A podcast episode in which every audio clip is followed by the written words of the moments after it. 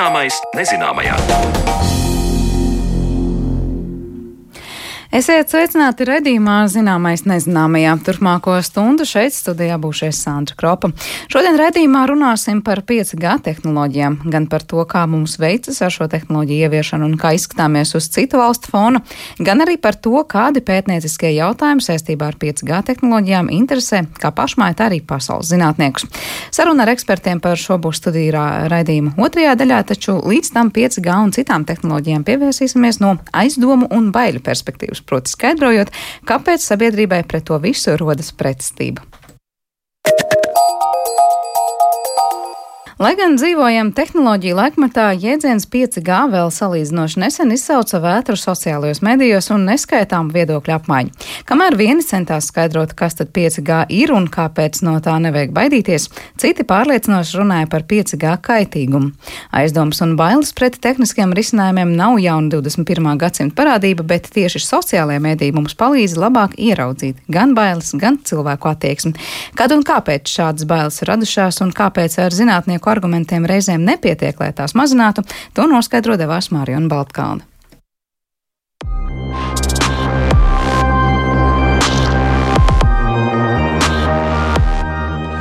Šī vēsturiskā saruna ir vismaz 300-400 gadus vecas kad 17. gadsimtā tika demolētas manufaktūras tekstila nozarē līdz punktam, ka 727. gadā tika pieņemts Anglijā likums, ka cilvēki, kas demolē šīs iekārtas, tiek sodīti ar nāvi. Mēs noteikti neesam pirmie, kas par šo jautājumu domā. Tajā laikā tās bija ierīces, kas palīdzēja automatizēt un teiksim, tekstilu industriju. Mūsdienās tās ir tehnoloģijas, kas maina digitālā līmenī mūsu ikdienu. Bet tas iemesls, kāpēc šīs bailes veidojas, arī ir pētīts. Tās ir vienkārši bailes, ka šīs tehnoloģijas, piemēram, agrāk manufaktūras, ja šobrīd citas tehnoloģijas kaut ko nodarīs man sliktu, manai veselībai vai kaut ko citu radīs. Jā, šeit noteikti ir jābūt pietiekoši uzmanīgam. Ir viena, ko mēs sakam, ir šīs neārkārtas artikulētās bailes, kā katrs no mums pieiet klāt kādai ierīcei, mēs neorientējamies, kā viņu izmantot. Mums ir katram piesardzība, ir neliela trauksme, kā mēs spēsim norientēties. Un otrs līmenis ir, kad cilvēki nebaidījās no šīm ierīcēm, bet viņi ļoti labi saprata, ka šīs ierīces eh, faktiski viņus padara par bezdarbniekiem. Jā, viņi no šīs vērtību ķēdes tika izstumti ārā. Viņam nebija bail no viņiem, viņi bija pietiekoši artikulēti un zinoši cilvēki, bet viņi saka, šie ražošanas līdzekļi, kā teiktu, jā, Marks viņus diskvalificē. Un tomēr arī mūsu šodienās būtu uzmanīgi jāizmanto šis termins. Es sakot, ka cilvēkiem apgūstot jaunu ierīci, viņi mazliet ir nemierīgi un ir šī sajūta, ka nu, nāk automatizācija. Nu, pieņemsim, veikalos ir uh, norēķina kases, kurās nu, drīz mums vairs nav varbūt, nepieciešami pārdevēji, jeb ierīces, kas uzkopja telpas un tā tālāk. Ja? Cilvēki viņam nebaidās no viņām. Tā teikt, nav nosvīdušas plauksts, ka viņi iet garām viņām, bet viņi ļoti labi saprot, ka tas iespējams aizvietos viņu darba vietā. Šādi jēdzienu tehnofobijas skaidro pilsētu plānotājs, VF inovāciju apkaimes vadītājs Viesturs Celmiņš. Svarīgi paturēt prātā, ka abas šīs parādības, gan neartikulētās, gan artikulētās bailes, mēs piedzīvojam visu laiku, Arī cirvis, kruķi vai spieķi ir tehnoloģijas, kas parādījušās dažādos vēstures posmos, sniegušas cilvēka ikdienai jaunu pienesumu un ar tām bijis nepieciešams iemācīties sadzīvot. Tāpat šobrīd, piemēram, aptiekā varam būt izvēles priekšā, kādu termometru atkarībā no tehniskās sarežģītības izvēlēties. Stāstu turpina Viesturs Celmiņš ir tādi trīs vispārīgi veidi, kā mēs nošķiram to tehnofobijas pakāpi attiecībā uz cilvēku. Viens ir tāds kā mazliet nedroši lietotāji, kur dēļ vienkārši tīri prasmi trūkuma vai iemaņu trūkuma jūtas nedroši tehnoloģiju priekšā. Ko mēs saucam par kognitīviem tehnofobiem, viņi no ārpuses absolūti ir mierīgi, savākti, orientējās, var teikt, ir savas tehnoloģijas zenītā, bet pakausī viņiem īstenībā ir bažas par to, vai un kā viņi pietiekoši labi orientējās mūsdienu tehnoloģijā tehnoloģijās. Tu esi pirmo reizi nonācis jaunā lidostā, kā nu tu varēsi tur atrast sev nepieciešamo teikt, iereģistrēšanās instrumentāriju, vai ne? Un tad mēs katrs apmulstam. Un trešais ir teikt, nemierīgie tehnofobi, kur par spīti prasmēm un iemaņām, kurās viņi orientējās, viņi joprojām ir nemierīgi. Ja? Tas vienkārši personības tips ir, ka tev ir bažas, ka tev nu, kāds teikt, apkrāps internetā, vai tev nāk mēstules, un viņi atvērs vaļā, un tev ir tāds fonā mazliet bažas, kas ir nepārtraukts. Mums īstenībā jāsaka, ka mēs arī esam šajā spektrā. Katrs no mums ir piedzīvojis nu, kaut kādu nemieru un teikt, mācīšanās posmu ar tehnoloģijām. Nu, kā mēs zinām, mūsdienās mums katram rokās vai kabatās ir superskaitļotā ierīces, un mēs zinām, izmantojam no viņiem 5 līdz 7% no potenciāla, kas šajās ierīcēs ir iekšā. Ja mēs sūtām īsiņas, paceļam zvanu, ja mums kāds zvana vai paskatāmies internetā ziņas, bet šajās ierīcēs ir neskaitām citu opciju. Tajā ziņā katrs no mums ir vēl ar potenciālu, kur augt, un katram mums ir mazliet bažas par to. Nu, nākošais līmenis ir tas, vai mēs būtu akurāti ieti gatavi demolēt kaut kādas tehnoloģiskās sasniegumu ierīces, jā, kā bija šis gadījums ar 5G stāciju demolēšanu Anglijā, jā, kas ir droši vien nākošais līmenis. Un mēs saskaramies ar šo piesardzību pilnīgi visu laiku. Man liekas, būtiski atgādināt to, ka šis fenomens absolūti nepāries. Viņš kļūst tikai būtiskāks. Un šeit tā, otram kārtām ir nepieciešams uzsvērt to, ka mums vajag būt ļoti piesardzīgiem ar stigmatizāciju, jo mēs zinām faktus tīri no aptaujām, ka bieži vien skolotāji, kur uzdevums ir ieviest šīs atziņas, iemaņas prasmes skolās, klasēs un tā tālāk, viņi paši īstenībā bieži vien ļoti ir nedroši attiecībā uz tehnoloģijām. Ja? Tas ir normāls fenomens, ko mums nevajadzētu nevienu apsūdzēt, rādīt ar pirkstiem vai kaunināt. Ja? Mums tieši otrādi jādomā, kādā veidā mēs palīdzam cilvēkiem digitālā pratībā dot drošību, paļāvību saviem spēkiem un instrumentus, kā mācīties, jo mēs jau nepaliksim droši vien mazāk digitāla pasaule. Kā jūs skaidrotu, kāpēc, piemēram, 5G internets bija viens no tādiem lielākajiem bubuļiem pasaulē par to runāja, ko tas tagad mums izdarīs. Ja patiesībā daudzi fiziķi teica, ka nu, tas nav nekas absolūti jauns, patiesībā tas, kas ir 5G, mēs to daļēji jau lietojam agrāk, un tika skaidrots, ko šis 5G vilnis nozīmē, ka tas nerada lielāku kaitējumu kā daudzi citi viļņi fizikā, bet vienalga. Jā, tur ir vairāk aspekti. Pirmais, kā jūs pieminējāt, tas, ka zinātnieki saka vienu vai otru lietu, atvainojas daudziem daudziem vispār neko nenozīmē. Mēs esam pārgājuši, ko sociāli zinātnieki sen jau brīdinājuši, mēs esam pārgājuši tādā anti-autoritārā noskaņojumā pret jebkuru tēmu. Ja? Mēs vienkārši katrs var iet, paskatīties savos sociālajos tīklos vai ziņās. Tas noskaņojums ir tā, tā bāze visam. Tas ir viens, līdz ar to skaidrs, jaunai tehnoloģijai ir eh, liels aizdomā plīvurs eh, priekšā. Bet kā jūs pieminējāt, nu, vai mēs esam gatavi savus telefonus nelietot vairāk, kur jau patreiz izmanto 4G stācijas un 4G signālu.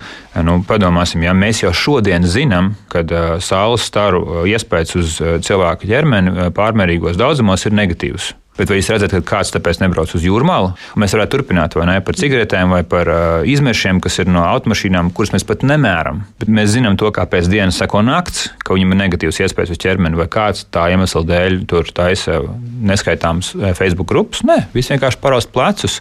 Un šeit atnāk jauna tehnoloģija. Mums nav uh, zinātnisks pamatojums, ka viņiem ir negatīvs iespējas. Ja tas kādā attur, Nevienu tas neatur. Tāpēc, ka kopējais sabiedrības noskaņojums ir ļoti, ļoti aizdomīgs par tehnoloģijām. Un trešais aspekts šajā gadījumā, kā jau parasti tas notiekās, līdzīgi kā notikās ar vēlēšanām, Lielbritānijas izstāšanos no Eiropas Savienības, Donalda Trumpa vēlēšanām, ja jūs mazliet paceļat šo vāku, jūs redzat, ka tur ir apakšā ļoti mērķiecīgas, organizētas kampaņas, dezinformācijas kampaņas, ja, kas īstenībā cilvēkiem aizmiglo prātu par to, par ko vēlēt, kāpēc vēlēt un kas notiekās, ja, un bez jebkāda racionāla pamatojuma. Līdzīgā veidā arī žurnālisti ir konstatējuši, ka līdz ko 5G tehnoloģijas tika palaistas Eiropas Savienībā, nekavējoši tika publicētas simtiem mājaslapu, simtiem Facebook sociālo tīklu lapu, kas teikt, angažēja, pieteica un tiražēja absolūti nepamatots viedoklis par to, kādā veidā tiks iespaidots cilvēku smadzenes, kā teikt, mēs zinām, visas pēdiņās uzcept mūsu smadzenes un kā mūs tas vairāk iespaidos un kontrolēs. Es domāju, ka arī pats um, tehnoloģija ieviesēji, tā teikt, lokus nebija sagatavots šim, viņi nespēja ātri reaģēt šiem izaicinājumiem. Viņi teica, lūk, esam mēs, un lūk, ko zinātnieki par to saka. Nu, un kas zinātnieki saka? Kopš kura laika šajā sabiedrībā kāds interesē, ko domā zinātnieki? Sabiedrībā zinātnieki nav vairs autoritāte, un viņi to ļoti labi zina, un tā ir tā teikt, mēs ejam uz uz jaunu sabiedrisko domu. Līdz ar to sabiedriskais tas, PR bija neveiksmīgs. Savukārt otra puse bija ļoti, ļoti veiksmīga. Viņi neizmantoja zinātnieku pētījumus, viņi vienkārši angažēja puspatiesības un emocijas. Emocijas bija tās, kas pateica, kādā veidā mūsu bērni, mūsu skolas vai mūsu sabiedrība tiks nozambēta ar 5G tehnoloģijām. Ja, tāpēc mums jābūt piesardzīgiem, ka, protams, ka tehnoloģija maina mūsu dzīvi. Protams, mēs bieži netiekam viņai līdzi, bet godīgi būtu rādīt arī tos ieguvumus Latvijā, pieņemsim, tehnoloģijas ļāva nodrošināt mācības attālināti. Mēs zinām, Eiropas valsts, kuras ir krietni turīgākas par mums, kuras nespēja nodrošināt mācības attālināti. Jūs domājat, interneta, piemēram, ātrumu Latvijā? Jā, tieši jā? tā. Mm -hmm. Katrs no, varbūt ne katrs, bet daži no mums ir bijuši ārvalstīs, tad, kad mēs vēl varējām ceļot, un tu, tu saskaries ar to, cik lēns ir internets, lai tu atvērtu elementāru Google mājaslapu Francijā, Vācijā vai Beļģijā. Šobrīd sociālo mēdīju laikmetā gan aizvien pamanāmāks kļūst tas, ka cilvēki par vieniem un tiem pašiem jautājumiem var pārstāvēt radikāli atšķirīgus viedokļus arī radu un draugu lokā, un, protams, tas izteikti redzams apmeklējot komentāru sadaļu ziņām interneta portālos. Viesturs Celmiņš runā par zināšanu higiēnu, ko vērts piekopt, jo milzīgajā informatīvajā jūrā patiešām iespējams apmaldīties. Katrs lasa, ko viņš grib, katrs liek, ko viņš grib iekšā savā sociālo ziņu portālos, un šī ir tuvāko 4-5 gadu realitāte.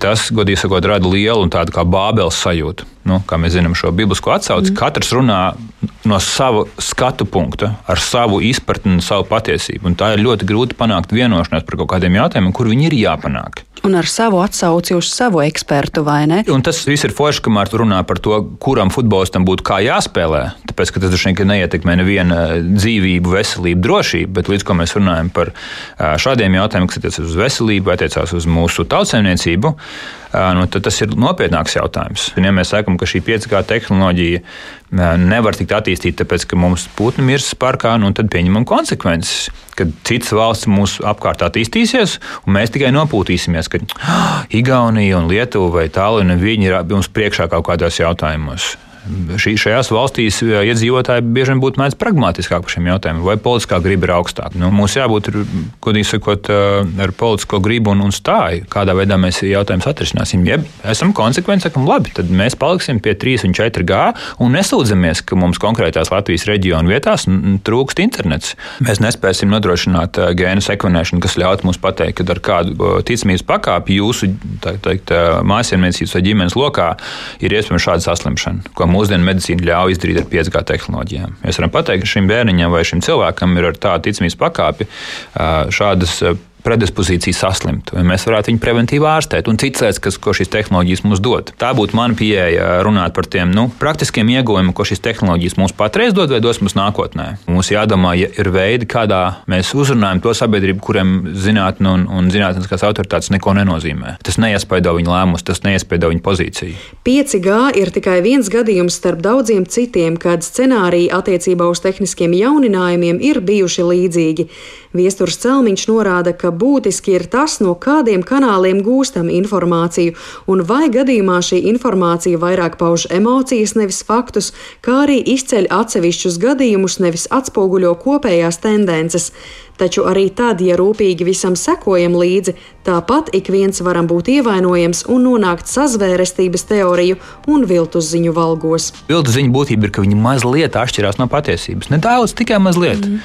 Un sazvērestība ir pēdējais punkts tajā galā. Nu, prezidents ir citplanētietis, jā, nu, tas varbūt ir komiski, bet tā ir tā daļa, ko ir viegli pamanīt. Bet viltus ziņu būtība ir tā, ka viņi gandrīz vispār nevar pamanīt. Un, ja tev nav šāda tā teikt, receptora un antena ieslēgta, to var nu vispār palaist garām. Par tehnoloģiju jēdzienu un to izpausmēm saistībā gan ar 5G, gan citiem tehniskiem jauninājumiem stāstīja pilsētu plānotājs VF inovāciju apkaimes vadītājs Viesturs Celmiņš, un ar viņu sarunājās mana kolēģi Mariona Baltkalna. Bet no bailēm ķersimies klāt reāliem darbiem, tāpēc raidījuma turpinājumā mēs skaidrosim, ko Latvijai līdz šim izdevies paveikt 5G tehnoloģiju jomā.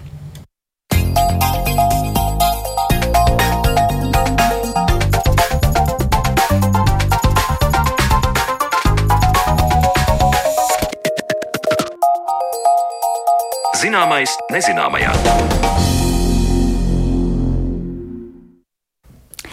Tuvojoties nu jau ikgadējam Baltijas jūras reģiona 5G ekosistēmu fórumam 5G teritorija, esam studijā aicinājuši ekspertus, lai runātu par inovācijām un izaicinājumiem, ko zinātnieki kā Latvijā, tā citviet pasaulē pēta saistībā ar 5G tehnoloģijām. Zināmo un nezināmo jauno tehnoloģiju pasaulē tad šodien meklēsim kopā ar Valsts akcijas sabiedrības elektroniskie sakari attīstības un klientu vadības departamenta direktoru un 5K teritoriju direktoru Nēlu Kalniņu. Labdien! Labdien! LMT viceprezidentu mārketinga un biznesa attīstības jautājumos Ingmāru Pūķi.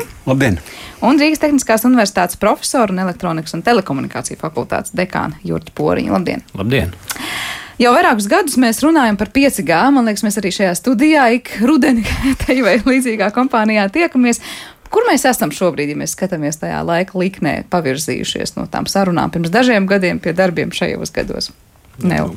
Labā ziņa ir tāda, ka mēs joprojām esam uz planētas Zeme. 5G tehnoloģijas, kā arī daudzas citas, joprojām sekmē mūsu dzīves kvalitāti. Uz to mēs patiesi ceram. Bet, ja nopietni, tad par 5G tehnoloģijām, protams, pēc tāda zināma burbuļi par to, cik tas viss dos un kas tas viss tik nebūs, es domāju, ir iestājusies tāda daudz praktiskāka uh, dzīves uh, posms, kur daudzas kompānijas strādā pie šo uh, tehnoloģiju pielietošanas, gūst savu pirmo pieredzi, un uh, saistībā ar to arī mēs esam izvēlējušies 5G teritoriju fóruma uh, šī gada tēmu, un proti tā ir 5G tehnoloģiju pirmā darbības gada pieredze globāli pasaulē. O, aicinot kopā speciālistus no kompānijām, no dažādām zinātniskām pētnieciskām institūcijām un arī valdībām. Pārunāsim, kādas ir šīs sekmes reāli pirmo gadu pielietojot 5G tehnoloģijas. Jūsu abu komentārs par to, kur atrodamies laika līnijā un kā ar to pirmo nu, gadu pieredzi? Tīri praktiski Latvijai vispār parasti ar mobilām tehnoloģijām klājās ļoti veiksmīgi. Latvijas iedzīvotājs ir viens no dūšīgākajiem mobilo tehnoloģiju lietotājiem pasaulē. Arī OECD dati rāda to, ka Latvijas iedzīvotājs ir Mums priekšā ir tikai Somija. Īstenībā. Mēs esam otrā vietā no pasaulē pēc tā, cik nu, vidēji nu, mēnesī viens uh, iedzīvotājs savā vietā runī, uh, lieto mobilo nu, internetu. Mēs esam numur divi sudraba medaļa, ja tā var teikt, ja tāda disciplīna pastāvētu. Tā kā, uh, parasti ir tā, ka gan iedzīvotāji dušīgi lieto, gan arī tās nu, tehnoloģijas mums nāk salīdzinoši strauji. Uh, 5G raidītāji Latvijā ir, ir jau no pagājušā gada ir, ir kaut kāda nu, zināmā nu, praksa un pieredze jau ir nu, parādījusies. Radītāji ir, bet kas notiek tālāk? Mums radītāji ir. Kas notiek tālāk, ir tas, ka 5G tehnoloģija, kā jebkura jauna telekomunikācija paudze, viņa atnāk pakāpeniski. Tas nav tā, ka viena diena tadam un mūs visus apstaro 5G nu, gaisma, ja, tas, tas, tas, gluži tā nestrādā. Ir, ir teiksim, nu, pirmās stacijas, pirmie lietotāji, pirmie nu, eksperimenti, bet praktiski vēl arī pasaulē šis te, teikt, standartizācijas process vēl nu, turpinās. Ko tas nozīmē? Jo, telekomunikācijās ir svarīgi, ka tu vari braukt starp valstīm un, un lietot nu, homogēnu nu, visās valstīs. Tāpēc arī valstis un operatori un ražotāji savā starpā strādā, lai, lai nu, salāgotu tos nu, principus. Tas darbs vēl nav beidzies. Tā ziņā šis darbs pie tā, kāds būs 5G, viņš vēl nu, turpinās. Bet nu, ir jau pirmie rezultāti. Jau ir. Var teikt, šis gads ir tāds, kurā mēs varam teikt, pirmais īstais, īstais 5G gads. Jo... Jā, es vēl varētu piebilst, ka šobrīd pētniecībā aktīvi notiek 5G piepildīšana ar saturu. Tad mēs mēģinām atrast jaunus risinājumus, lai uzlabotu cilvēku dzīves kvalitāti. Tas ir galvenais mērķis. Tādēļ tiek radīti gan jauni sensori, gan jauni sensoru tīklu risinājumi, kas nestu labumu tieši cilvēkiem. Vai tā būtu veselības aprūpe, vai tas būtu transports, kas padarītu mūs drošākus ceļus. Tad, tad, tad tas šobrīd notiek aktīvi pētniecībā. Un tā skaitā arī mēs meklējam risinājumus, kā piemēram, tanīs apvidos, kur šis 5G nav pilnvērtīgs, bet tai, tai, tai paralēli tomēr ir infrastruktūra balstīta uz optiskajām šķiedrām, kā panākt nu, tautsēmniecībai izdevīgāks risinājums, kā pagarināt teiksim, šo te, tīklu tā, lai arī individuālajie lietotāji saņemtu pilnvērtīgu šo pakalpojumu. Kas ir vajadzīgs? Nu, jūs teicāt, tad piepildām ar saturu, tur radām jaunus sensorus. Tā pavisam vienkārši izstāstot klausītājiem, nu, lai mēs to 5G labumu izbaudītu un pildām plaukumā, kas ir jāizdara pašiem zinātniekiem? Nu, zinātniekiem ir jā, jāatklāj kaut kas tāds, kas interesētu patērētāju. Līdzīgi kā mēs skatījāmies, mobilais telefons jau bija izgudrots stipri pirms tā ieviešanas.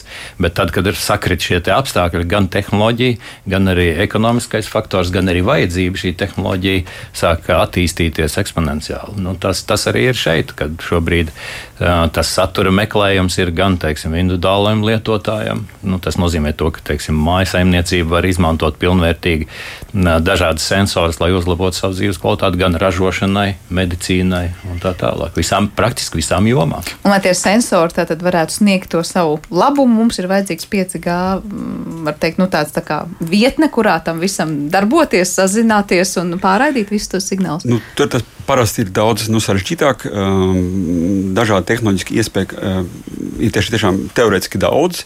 Tas, kas ir tas lielais meklējums, kā, kas ir tie cilvēciski saprotamie un lietojami. Ja mēs panalizējam to, par ko mēs dažus pēdējos gadus ļoti daudz runājam, ļoti daudz tika runāts, ko ar 5G varēs darīt pēc desmit gadiem.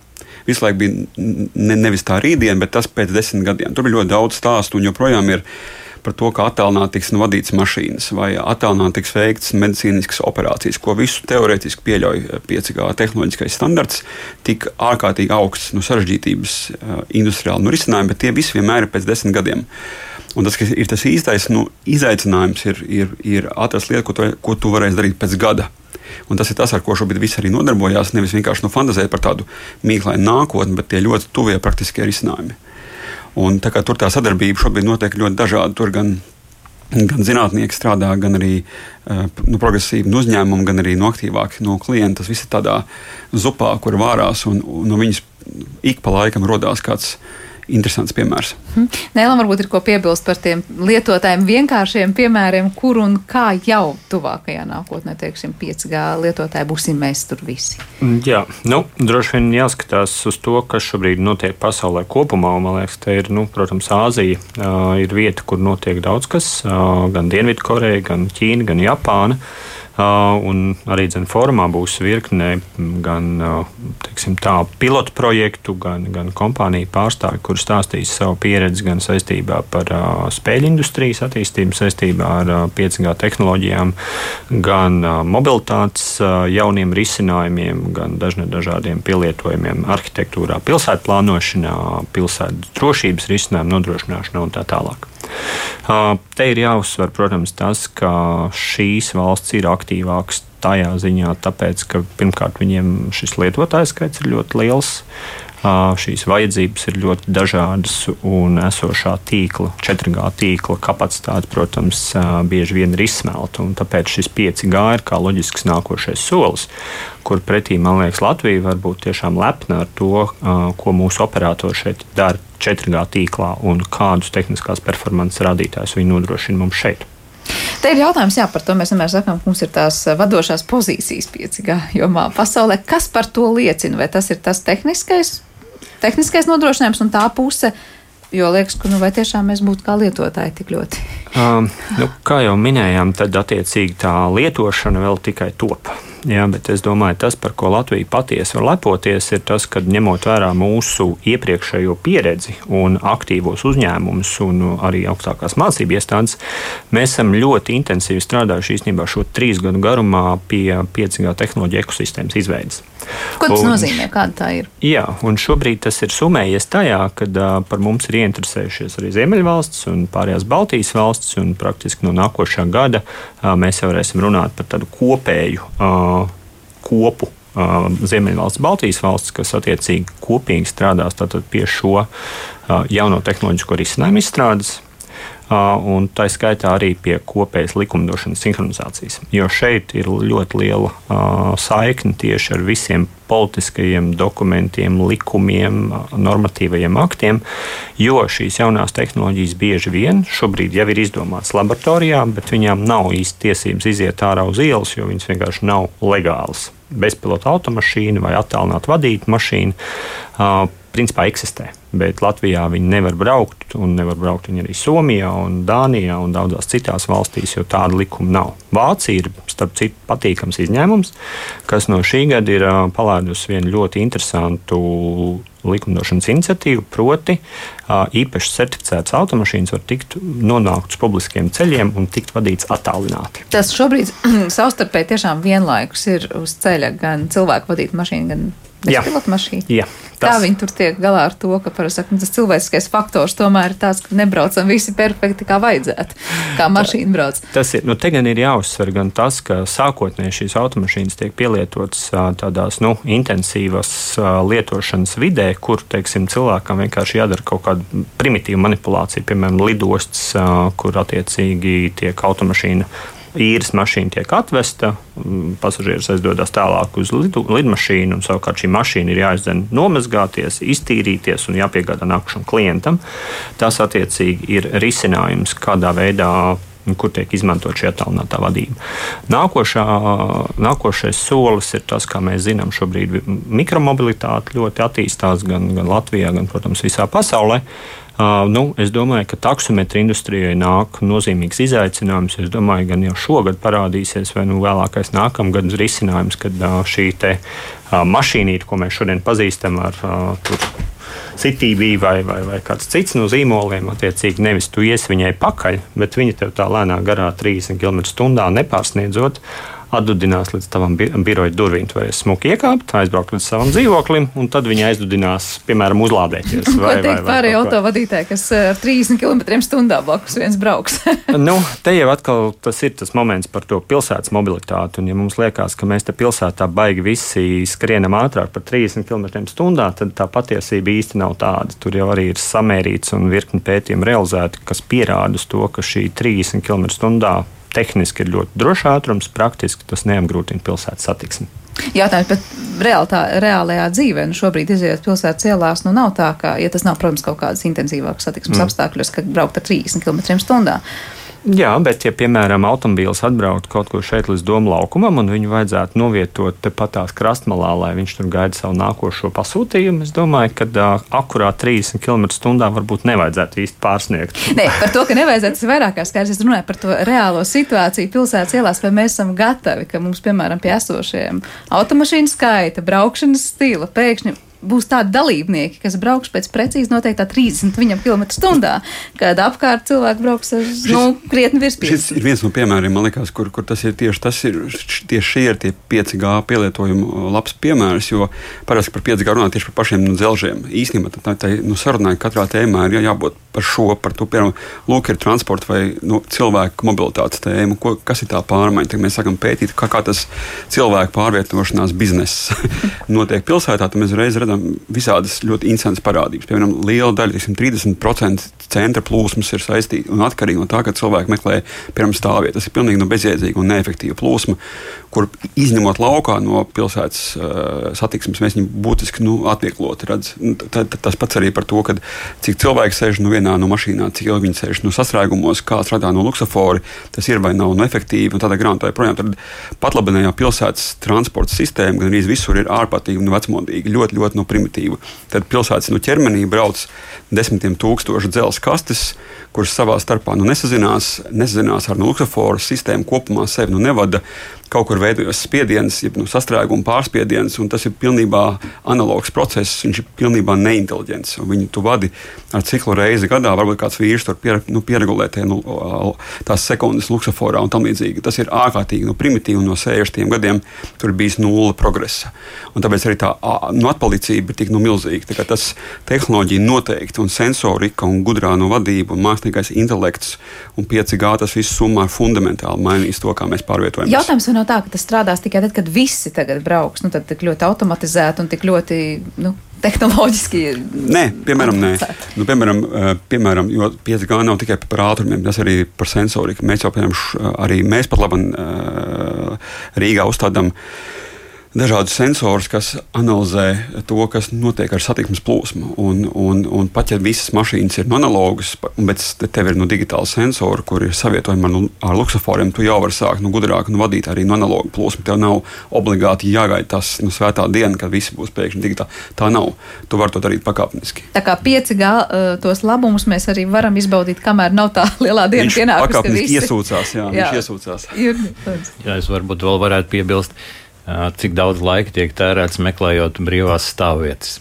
Nu, un, ja ir teiksim, lietotne, kur var novērtēt, kur ir brīva stāvvieta, ir sensors, kas ir uzticams, pietiekoši dažādus teiksim, parametrus mēri, tad tas būtu iegūms pilsētvidē.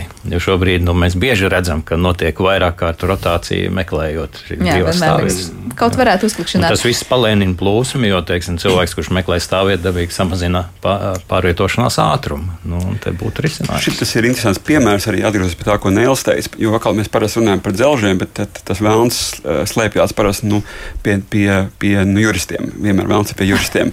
Jo tieši šādu lietotni mēs apskatījām pirms gadiem četriem. Eh, mēs mēs bijām izpētījuši, ka tā ir tēma. Mēs bijām atraduši veidu, kā, kā kamera var iemācīties ielu posmu un zināt, kamera var zināt, kad ir vai nav brīva stāvvieta. Viņi varētu to nu paziņot. Mēs apturējām šo virzību, tāpēc ka pats galvenā un lielākā un grūtākā problēma bija izbūvēt nu, kameru tīklu Rīgas nu, pilsētā. Tad viss nu, ju, juridiski likumi, tur ir arī šī nu, puse, kā to juridiski noformēt, bija tik ārkārtīgi nu, sarežģīti. Tieši kameras dēļ, ja? Jā, un to tehniski var izdarīt jau sen, tā vispār nav problēma. Tad, Tad, ja mums būtu šīs kameras un sensori daudz vietā pilsētā, eh, var teikt, eh, mums vajadzētu šo te 5G tehnoloģiju tīklu, lai vispār tā informācija tur visu laiku tiktu atjaunināta un, un, un var teikt, līdz mums nonāktu tiešām reālajā laikā, nevis par to, ka pirms piecām minūtēm bija brīva stāvvieta. Šo var izdarīt arī ar esošajām tehnoloģijām. Tas nav tik, tik štātīgi, ka tieši to nu, 5G, bet arī 5G nenozīmē tikai to nu, nu, milzīgi ātrumu. Cits, piemēram, piemērs no, par, par piektās paudzes ir teiksim, nu, sensoru tīkli. Pilnīgi aiziesim no prom no pilsētas uz mežu.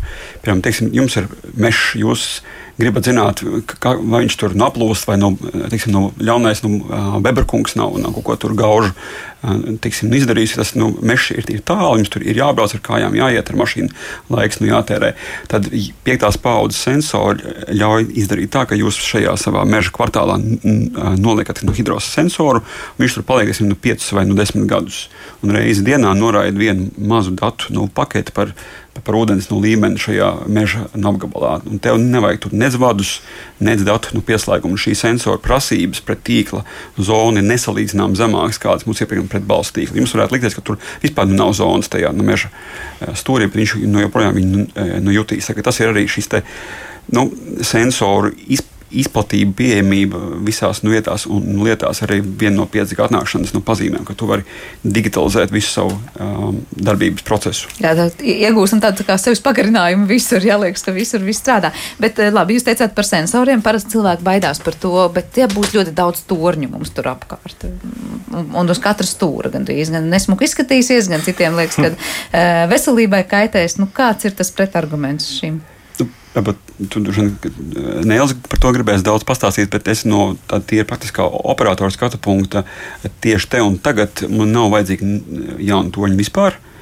Jo tas toņu skaits jau nav atkarīgs no kā tāda jocīga. Viņš atkarīgs no ļoti vienkāršas fizikālas parādības, atkarīgs no frekvences. Un pat labam 5G tehnoloģija mēs viņu varam izmantot līdzīgās no frekvencēs, kā jau ir ceturtās paudzes tīkls, ar ko mums ir esošais um, bāzes staciju uh, nu, izvietojums, kurā mēs viņus varam vienkārši nu, papildināt ar 5G raidītāju, un 5G tīkls būs neatkarīgi, vai, vai mums ir vai mums nav jaunas vietas. Tās visas fantāzija par tiem ļoti lielu skaitu uh, jaunu bāzes staciju izriet no tā, ka ir doma par šiem ļoti augstas nu, frekvences uh, sakariem, kuros var ielikt milzīgu nu, daudzumu datu. Tas ir drīzāk nākotnes jautājums, jo pat labi nav arī tāda nu, pieprasījuma. Tas nav tikai šodien. Mēs to varam darīt arī pēc pieciem nu, gadiem. Tur vispār nav, saka, nav steigas. Vai var arī nedarīt? Varbūt cilvēki teikt, mēs nu, gribam to 5G līdz zināmai ne, robežai. Nu, var arī nedarīt. Patiesībā sakot, tāpēc, ka daudz kas no tā, kas ir sarunāts par 5G nākotni, protams, muļķības. Piemēram, es, tā mūžīgā fantāzija, ka mašīna brauks pati tad un visus datus visu laiku kaut kam nu raidīs. Jautājums, kāpēc un priekš kam?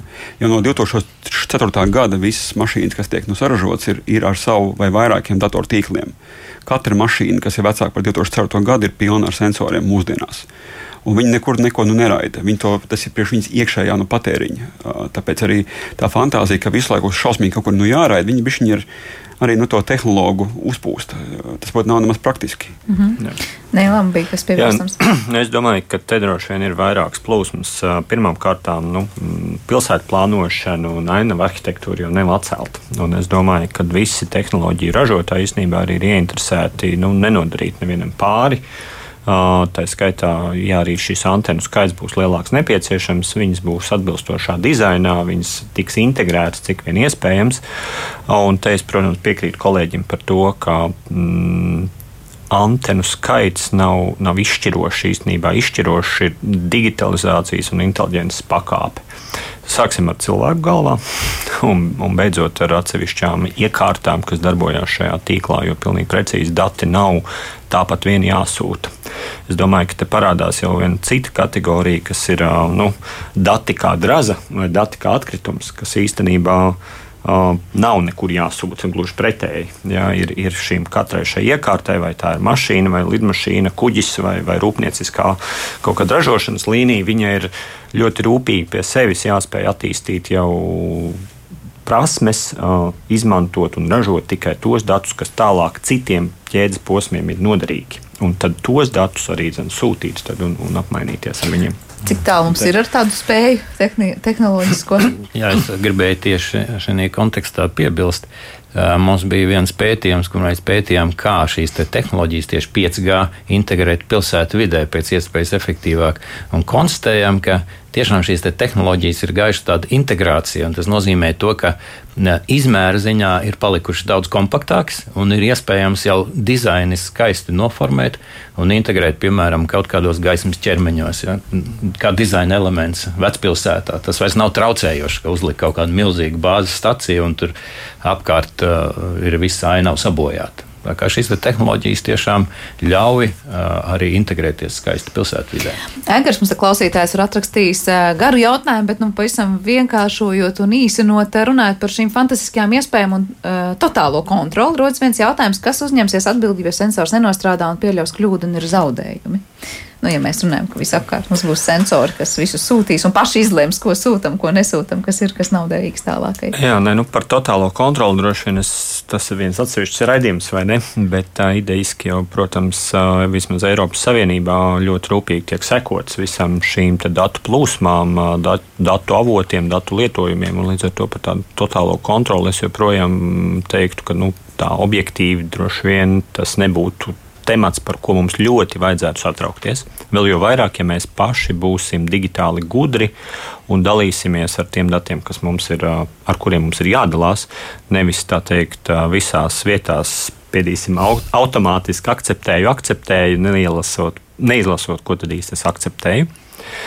Uh, savukārt tā otrā daļa tam jautājumam ir par Atbildību. Par atbildību. Kurš uzņemsies, ja kaut kas nenostrādā? tas, tas, tas arī ir tas galvenais jautājums, kas likumdevēja pusē šobrīd tiek diskutēts. Jā, tad, tad, ja šī mašīna vai, vai, vai drons vai kāda cita teiksim, tehniska vienība nodrošina, nodrošina kaut kādu servisu, un viņi var tajā servisa laikā nezinu, pazaudēt paciņu vai, vai satriekties ar kādu citu, un, un kurš tajā brīdī ir atbildīgais. Un kamēr šī debata nebūs teiksim, realizēta un ietverta konkrētā likumdošanas rāmī, tajā brīdī mēs arī dzen, nevarēsim ieraudzīt šīs tehnoloģijas uz ielas. Un te savukārt ir ļoti svarīga šī starpvalstu sadarbība, gan Baltijas valsts, gan Ziemeļvalsts, gan plašākā Eiropas Savienības kontekstā, jo šīs tehnoloģijas nebūs biznesa spējīgas, ja viņas nespēs darboties Latvijā tāpat kā teiksim, Igaunijā un tāpat kā Spānijā. Jo Attiecīgi, to jau mums arī pierāda esošo mobilo sakaru tīkls. Mēs gribam ar savu telefonu runāt Latvijā, un tikpat labi mēs gribam runāt Grieķijā vai, vai, vai, vai Mozambikā. Sensoru un atbildības jautājums ir lielā mērā jautājums par cenu. Tas viss ir atkarīgs no cenas. Eh, arī mēs tagad varam redzēt, ka visdažādākie, visdažādākie sensori jau ir pieejami, vienkārši viņi bieži vien ārkārtīgi dārgi. Un jo to kvalitatīvāk sensori grib, jo viņš dārgāk nu maksā. Un tas ir pats arī par likumdošanu. Eiropā pārsvarā nevar kaut ko darīt, nekā var. Un ir daudzas nozares no medicīnas un uz priekšu visos no virzienos, kur teorētiski daudz ko jau varētu sākt darīt, un sensors varētu piemērot, bet tieši atbildības jautājums ir tas, kurš to neļauj darīt. Tā kā to, tas saraksts ir daudzkārt garāks tajā pusē, ko mēs ne, nedarām vai neļaujam darīt, nekā tā, tas, ko mēs tiešām darām. Un, ja arī darām, tas ir diezgan dārgi. Tā kā patiesībā pat labāk tā tendence, es pat teiktu, mums būtu jāuztraucas par pretējo, par to, ka mēs varbūt neesam pietiekami agresīvi, varbūt, ka Āzija un Amerika ir krietni frivolāka tajā, ko viņi ļauj. Lai man vispār patīk, ka korporācija nevar ķimerēties pilnīgi nesodīt ar maniem no datiem, lai arī pats pārstāv lielu uzņēmumu. Es domāju, tas ir labi un pareizi. Bet, bet, nu, mēs piem, vienmēr minam jā. to labo piemēru, ka Eiropā mēs varam justies droši nekā, piemēram, Amerikā. Ar, ar, nu, Eiropa ir pēdējā nu, civilizētā vieta pasaulē jā, šajā ziņā. Jā. Mums ir no klausītāja jautājumiem, ja es tā rezumēju, tad divas lielas tendences, kas parādās jautājumos. Vai nu, protams, par to, kā ir ar to visu ietekmi uz cilvēku veselību un cik tur zinātniskie pētījumi. Un otra lieta, tad faktiski būs visu laiku jāpērk jaunas iekārtas un jāmaina iekārtas, lai mēs ietu līdz tam, ko mums šie te... būs. Jā, tad ir jautājums par to, vai cilvēki no tā, ka, bet es gribu palikt ar savu esošo ierīci, ko es nopērku šogad un gribu lietot tos vēl piecus gadus. Vai... Mierīgi tas nav aizliegts. Tad ceturtā paudze ir šeit uz nu, palikšanu, viņi būs vēl ilgi. Tie, kas nezina, joprojām darbojās arī otrās paudzes tīkls. Viņš arī vēl, vēl ilgi nu, darbosies. Tur nav nekādas steigas, nav nekāda pamata. Ceturtā paudze ilgi sadzīvos ar piekto paudzi visdažādāko iemeslu dēļ, piemēram, gan dēļ tās pašas balss pārraides un tāda grāmatā, tā joprojām, gan arī dēļ, dēļ geogrāfijas un arī par tiem starojumiem un viļņiem. Nu, protams, es arī pārstāvu nu, korporāciju, man arī nevar, tic, nu, nevar ticēt, bet tīri praktiski piektās paudzes eh, tīkls, kas šobrīd Latvijā ir pieejams, viņš strādā tajā pašā frekvencē, kur nu, līdz šim tur nav nekāda atšķirība. Tad, vai nu mēs visu, visu laiku līdz šim esam baismīgi un apstaroti, vai arī nesam. Bet nekas fundamentāli tuvākajā laikā šajā ziņā nu, nemainīsies. Tā frekvence ir tā pati. Tā mēs varam Protams, ka ir, tas ir kaut kas jauns un nu nesaprotams un nu nezināms, bet no fizikas viedokļa atšķirības pat man nav nekādas. Tā kā mēs esam turpat jau esam, par ko mēs baidamies. Jā, tur, jau sen esam. Te droši vien pie, pie, atkal ir piemērs uzmanieties no mobilā telefona pie galvas droši vien vairāk nekā no bāzes stācijas, kas ir 3 km attālināma no jums, jo viņi sazinās savā starpā. Bet patiesībā baidīties nevajag. Es domāju, ka vajag loģiski lietot ierīces, tā skaitā viņu mūžu vajag izmantot pilnvērtīgi. Tas Uh, drudzis, kas bieži vien uh, ir jaunais mobilo telefonu kaut kāds modelis, ir iznācis, un tagad visiem viņš ir jāpērk. Varbūt vajag vienkārši iedzīgi apskatīties uz savu esošo iekārtu un saprast, vai viņā tiešām ir kaut kas tāds, kas man trūkst, vai tie 5 megapikseļi kamerā, ko es nekad nezinu, cik viņi ir patiesībā, ir tas mans kritiskais uh, rādītājs, kas nu, man tagad pēkšņi ir jāmaina un jātērē 1000 eiro. Jā, atceramies, ka tā tomēr ir visa pēda mūsu mātei dabā. Uh, katra jauna iekārta ir nopirkta un katra vecā kaut kur ir jāutilizē. Jurģim noslēdzošie vārdi par to, kāds ir tuvākās nākotnes redzējums. Es aicinātu sekot līdzi tendencēm un tiešām, kā arī Nēls minēja, izsvērt vajadzības un nepieciešamības lietot tehnoloģiju. Un, ja gribās savu dzīves kvalitāti uzlabot un gribās aiztaupīt savu laiku, Eh, var jau salīdzināt ar veļas mašīnām. Kādreiz nebija automātisko veļas mašīnu, un arī bija skepse pirms to ieviešanas. Nu, šodien grūti lielākā daļa maisainiecību iedomāties savu dzīvi bez šīm veļas mašīnām. Un tiek ietaupīts laiks, ko laiku varam veltīt sev. To es arī novēlu. Jā, nu ko pievienošu šiem vēlējumiem un vēlēšu arī veiksmi tuvojošajā tātad formā, kas jau būs novembrī, saprotu tikai, jā. 11. Uh, 12. Jā, paldies jums visiem par šo sarunu. Dzirdējām elektronisko sakaru attīstības un klientu vadības departamenta direktoru un 5G tehnitoriju direktoru Nēlu Kalniņu, LMT viceprezidentu mārketingu un biznesa attīstības jautājumos Ingmāru Pūķu un Rīgas Tehniskās universitātes profesoru, elektronikas un telekomunikāciju fakultātes dekānu Jurģi Poriņu. Ar to arī raidījums ir izskanējis. Paldies jums par klausīšanos un uz tikšanos!